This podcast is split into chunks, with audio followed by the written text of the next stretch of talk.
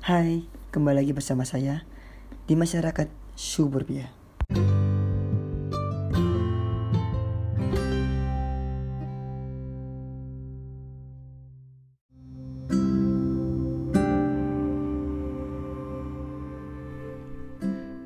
jadi kali ini aku akan mencoba ngebahas tentang perikanan tuna. Ya, kalau kita ngebahas perikanan tuna, sebenarnya itu sangat luas banget kan. Mulai dari uh, produknya itu apa yang ikan tuna itu sendiri, terus ada penangkapan, ada juga produksinya, eksportir, stok ikan, bahkan sampai sosial ekonomi. Ya sebenarnya kalau ngomongin itu semua nggak bisa aku sendiri sih harus dibantu sama Bacori yang paham banget tentang sosial ekonomi apalagi setahun ini dia lagi berkecimpung di dunia uh, nelayan wanita skala kecil terus ada juga um, Koming yang bekerja di Lokatuna di mana uh, dia lebih paham atau lebih familiar terhadap stok perikanan. Itu nanti sih ya. Aku uh, aku akan ajakin mereka untuk berdiskusi tentang ini semua. Jadi tunggu aja. Kali ini kenapa aku monolog ya kayak mau pengenalan dulu aja kayak dunia perikanan tuh kayak gimana sih ya sebenarnya ini kayak dilema aku aja gimana di mana aku sendiri nih sebenarnya berpihak pada konservasi tapi dunia kerja aku sendiri ini lebih ke corporate gitu kan di mana mereka berdua ini kan saling berantaman gitu. susah banget untuk berjalan saling berdampingan apalagi seperti yang dari um, perusahaan keluarga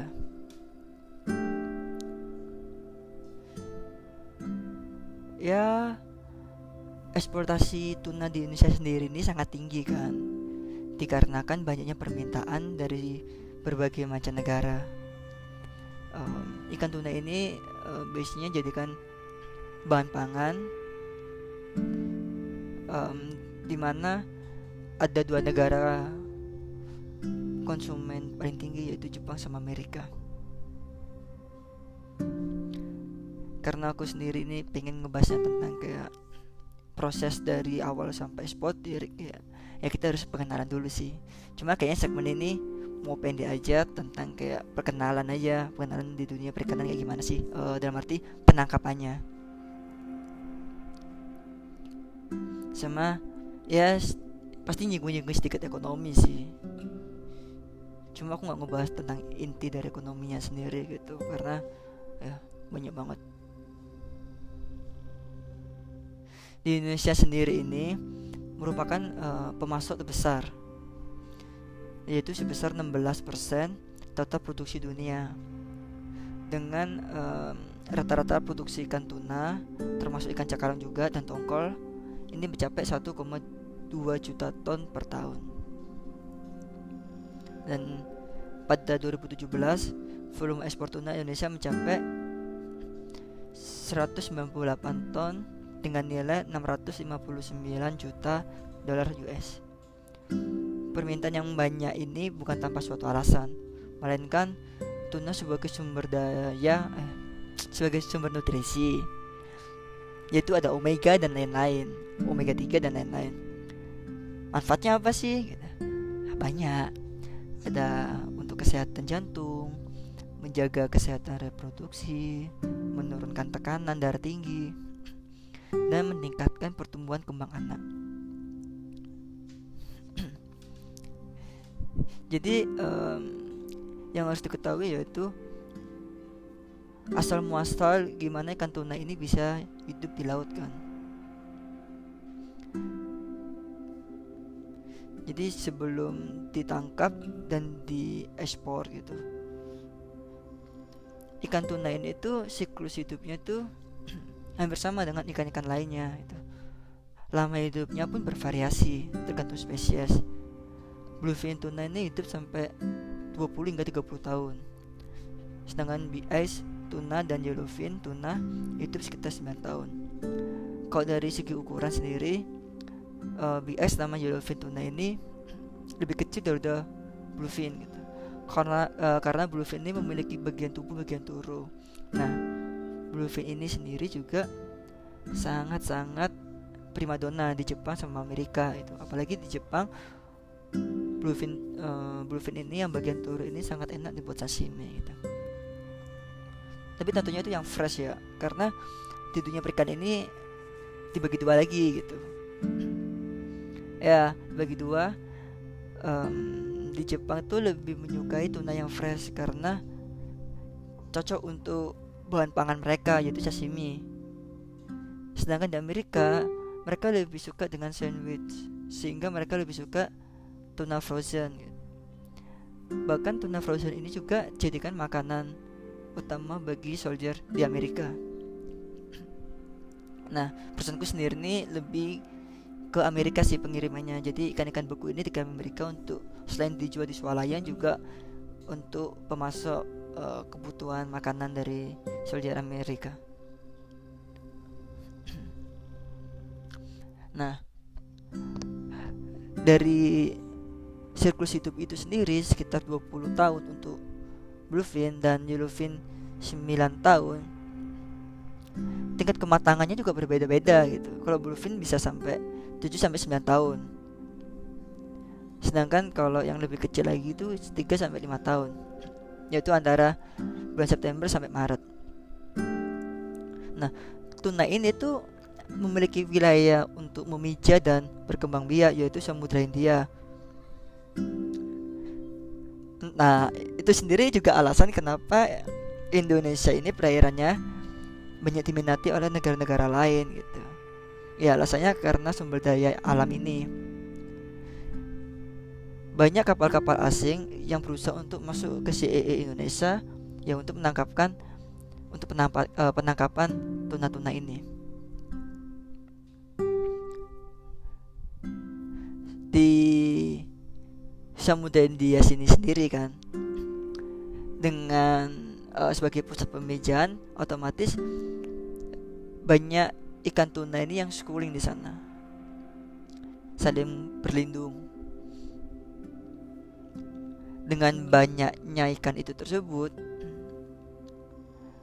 ikan-ikan yang udah dewasa dapat melepaskan sebanyak 100 ribu telur per 1 kg beratnya tuna dewasa ini biasanya memiliki berat 100 kg banyak banget ya tentu banyak ya tapi nggak sebanyak itu gitu karena apa? Meskipun terlihat banyak uh, dapat bereproduksi tinggi, ya nyatanya nggak 100% uh, tuna ini atau juvenile ini dapat uh, survive hingga dewasa gitu. Ya karena mereka memiliki predator alami seperti bull, ya, seperti billfish, hiu, paus orca, dan tentu manusia. Iya karena manusia sebagai predator utama karena penangkapannya juga gila-gilaan. Ya gimana nggak gila-gilaan? Orang sebanyak itu penangkapannya per tahun.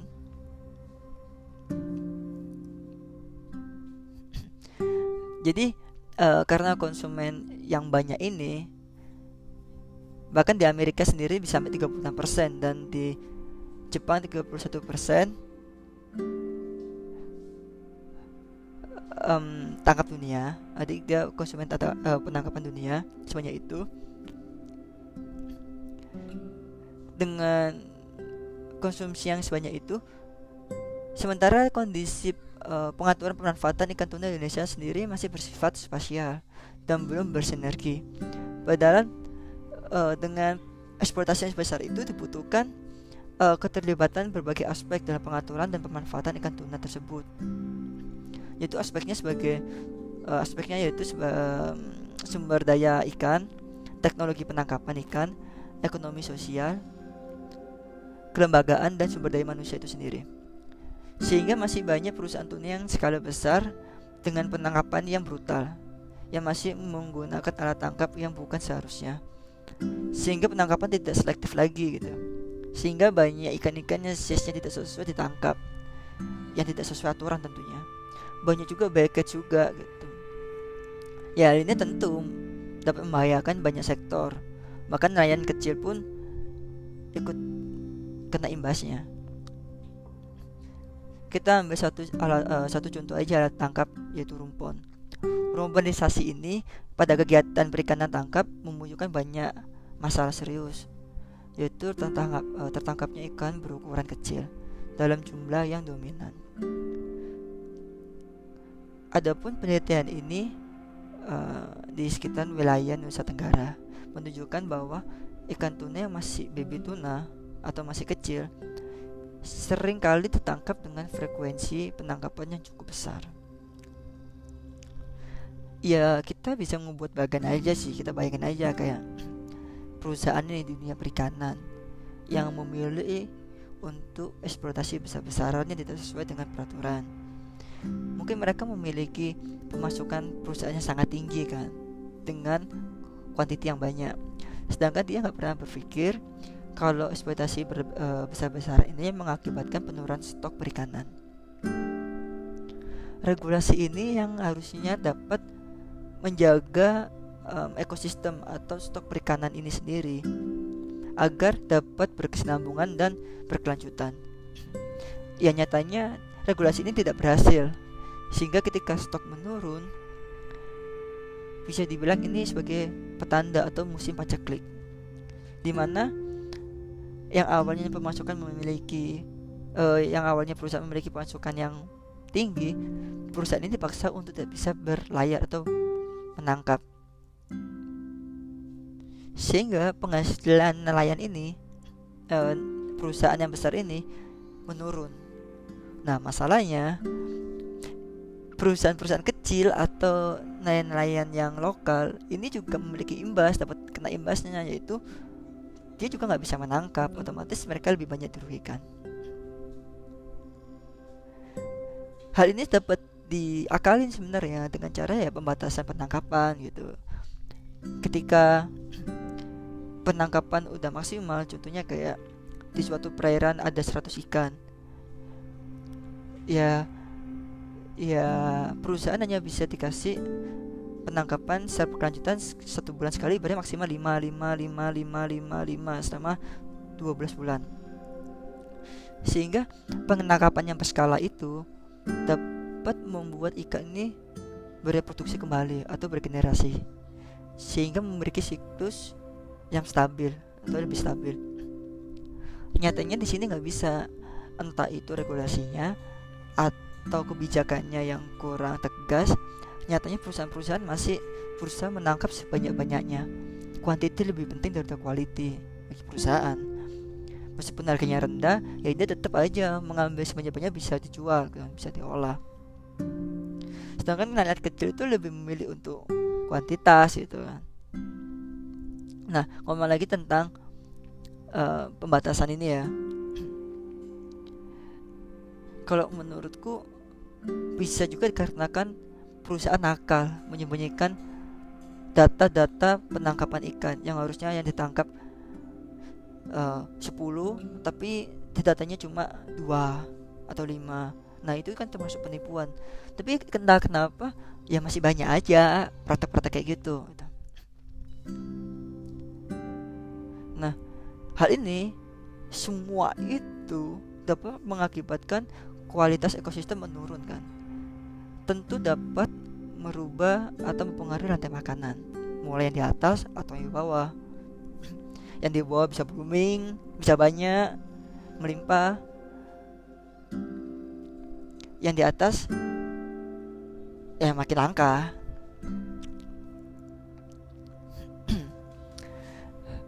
banyak juga uh, banyak juga jurnal-jurnal yang udah ngebahas ini semua tentang perikanan tuna di mana uh, kelangkaan perikanan tuna ini diprediksi sekitar 3 sampai 10 tahun lagi.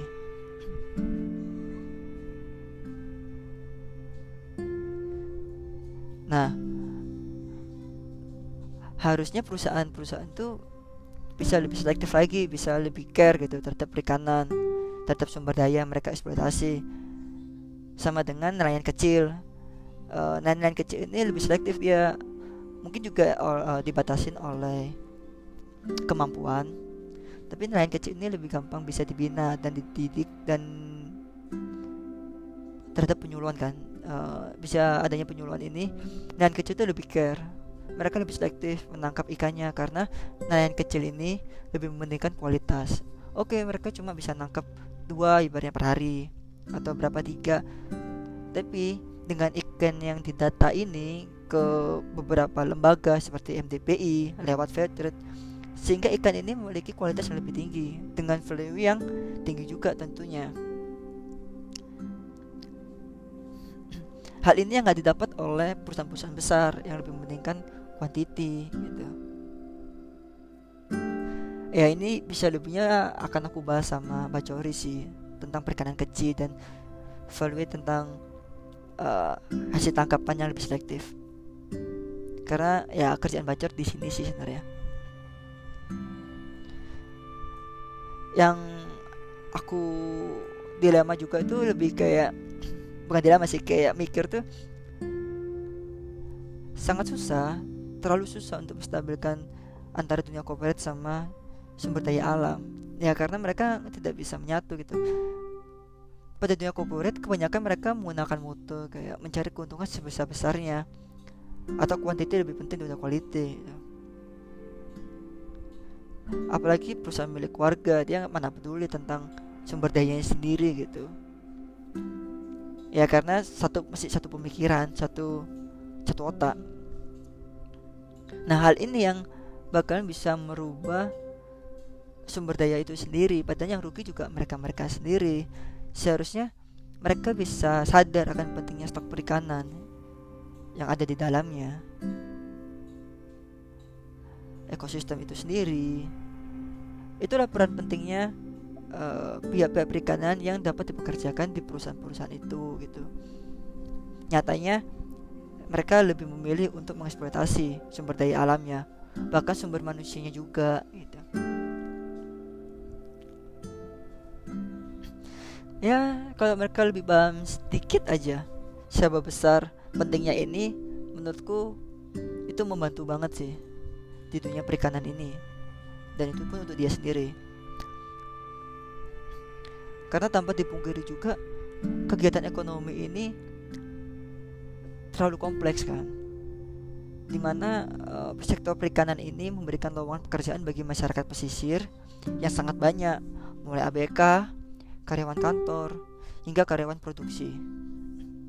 Ironinya, implementasi dari um, pemenuhan hak-hak pekerja masih belum dijalankan dengan baik ya hingga saat ini gitu. bayangin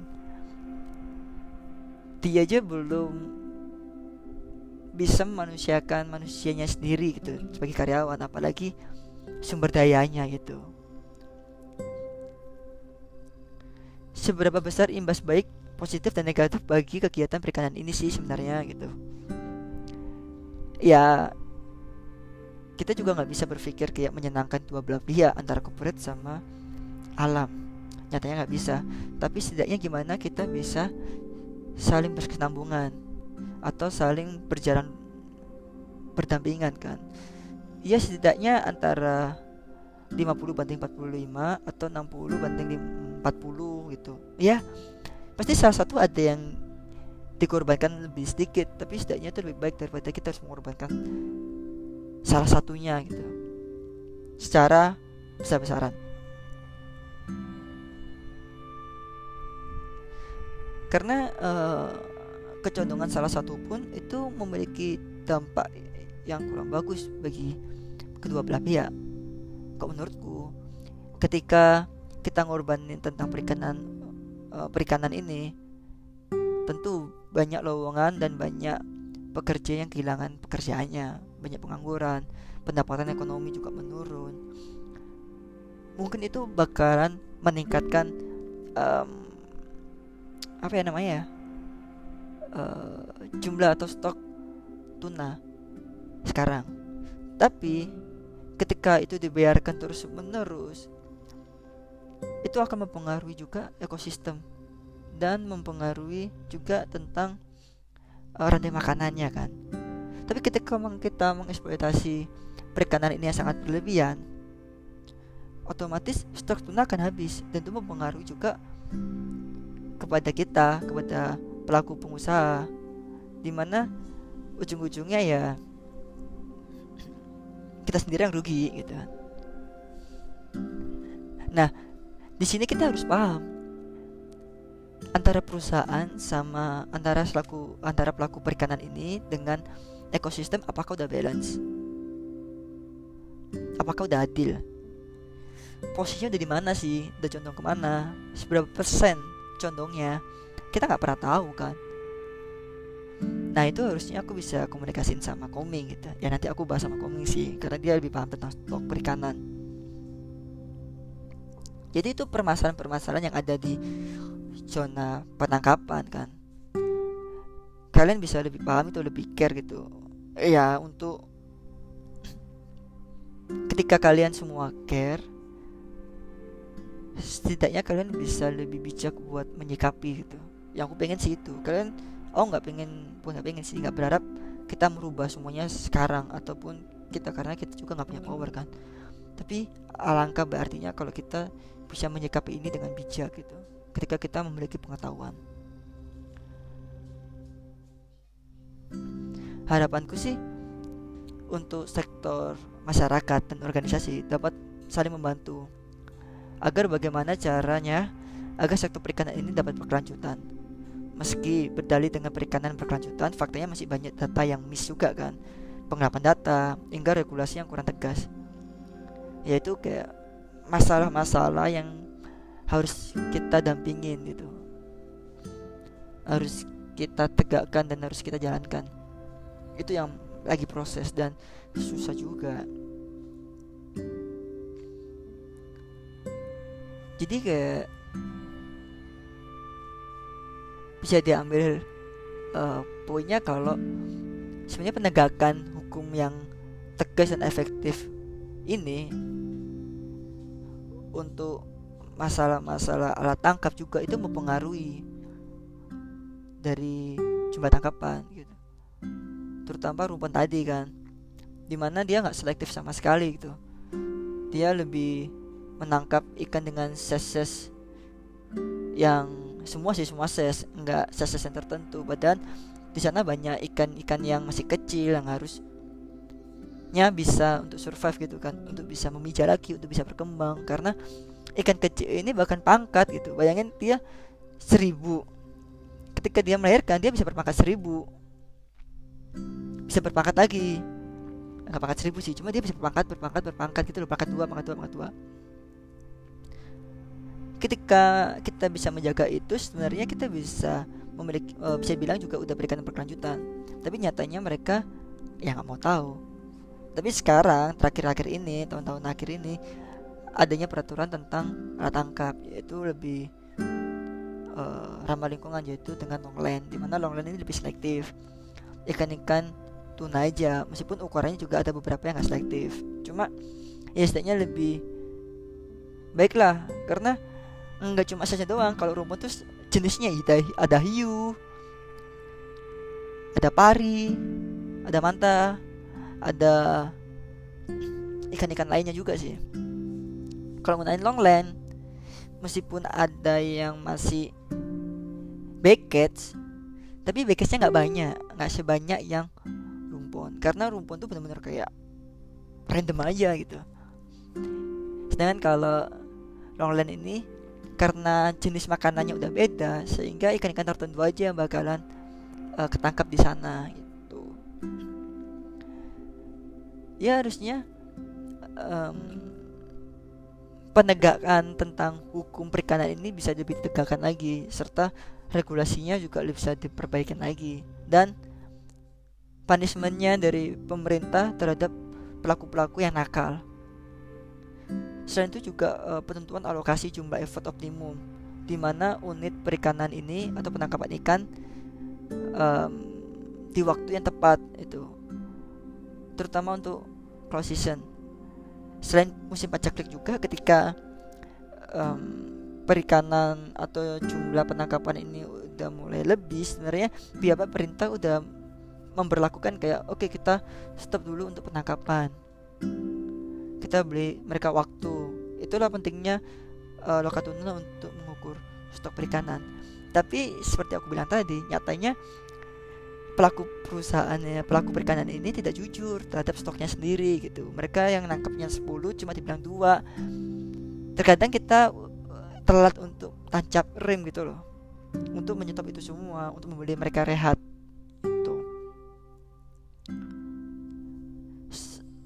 itu juga berlaku uh, bukan berlaku sih kayak lebih berkesinambung dengan ukuran kapal juga. Di mana kapal efisien dengan jumlah effort yang optimal. Karena uh, pelaku-pelaku usaha yang besar ini kapalnya udah besar-besar udah tinggi-tinggi. Sedangkan pelaku usaha yang menengah ke bawah itu lebih apa ya lebih tradisional gitu. Serta pemerintah seharusnya bisa membuat regulasi yang apa ya bijak atau tegas terhadap bibit tuna gitu. Ya karena dasarnya bibit tuna ini sebagai cikal bakal um, apa ya sebagai cikal bakal agar semua ini bisa berkesinambungan gitu loh. Kalau nggak ada bibit tuna ya ikan-ikan ini akan akan akan punah gitu. Itu aja sih sebenarnya kayak ya kayak gitu sih. Paham kan ya kayak ya harusnya paham. Mungkin next kita akan ngebahas tentang produksi gitu. Karena aku sendiri lebih ke produksi sih lebih di mana produksi itu ada kayak tentang fillet ekspor terus aku sendiri lebih ke quality controlnya kan. Di mana aku dalam bidang analisis lab. Yang analisis agar um, produksi tuna ini aman untuk dikonsumsi. Ya aku nguji mikrobiologi sama histamin. Mikrobiologi banyak.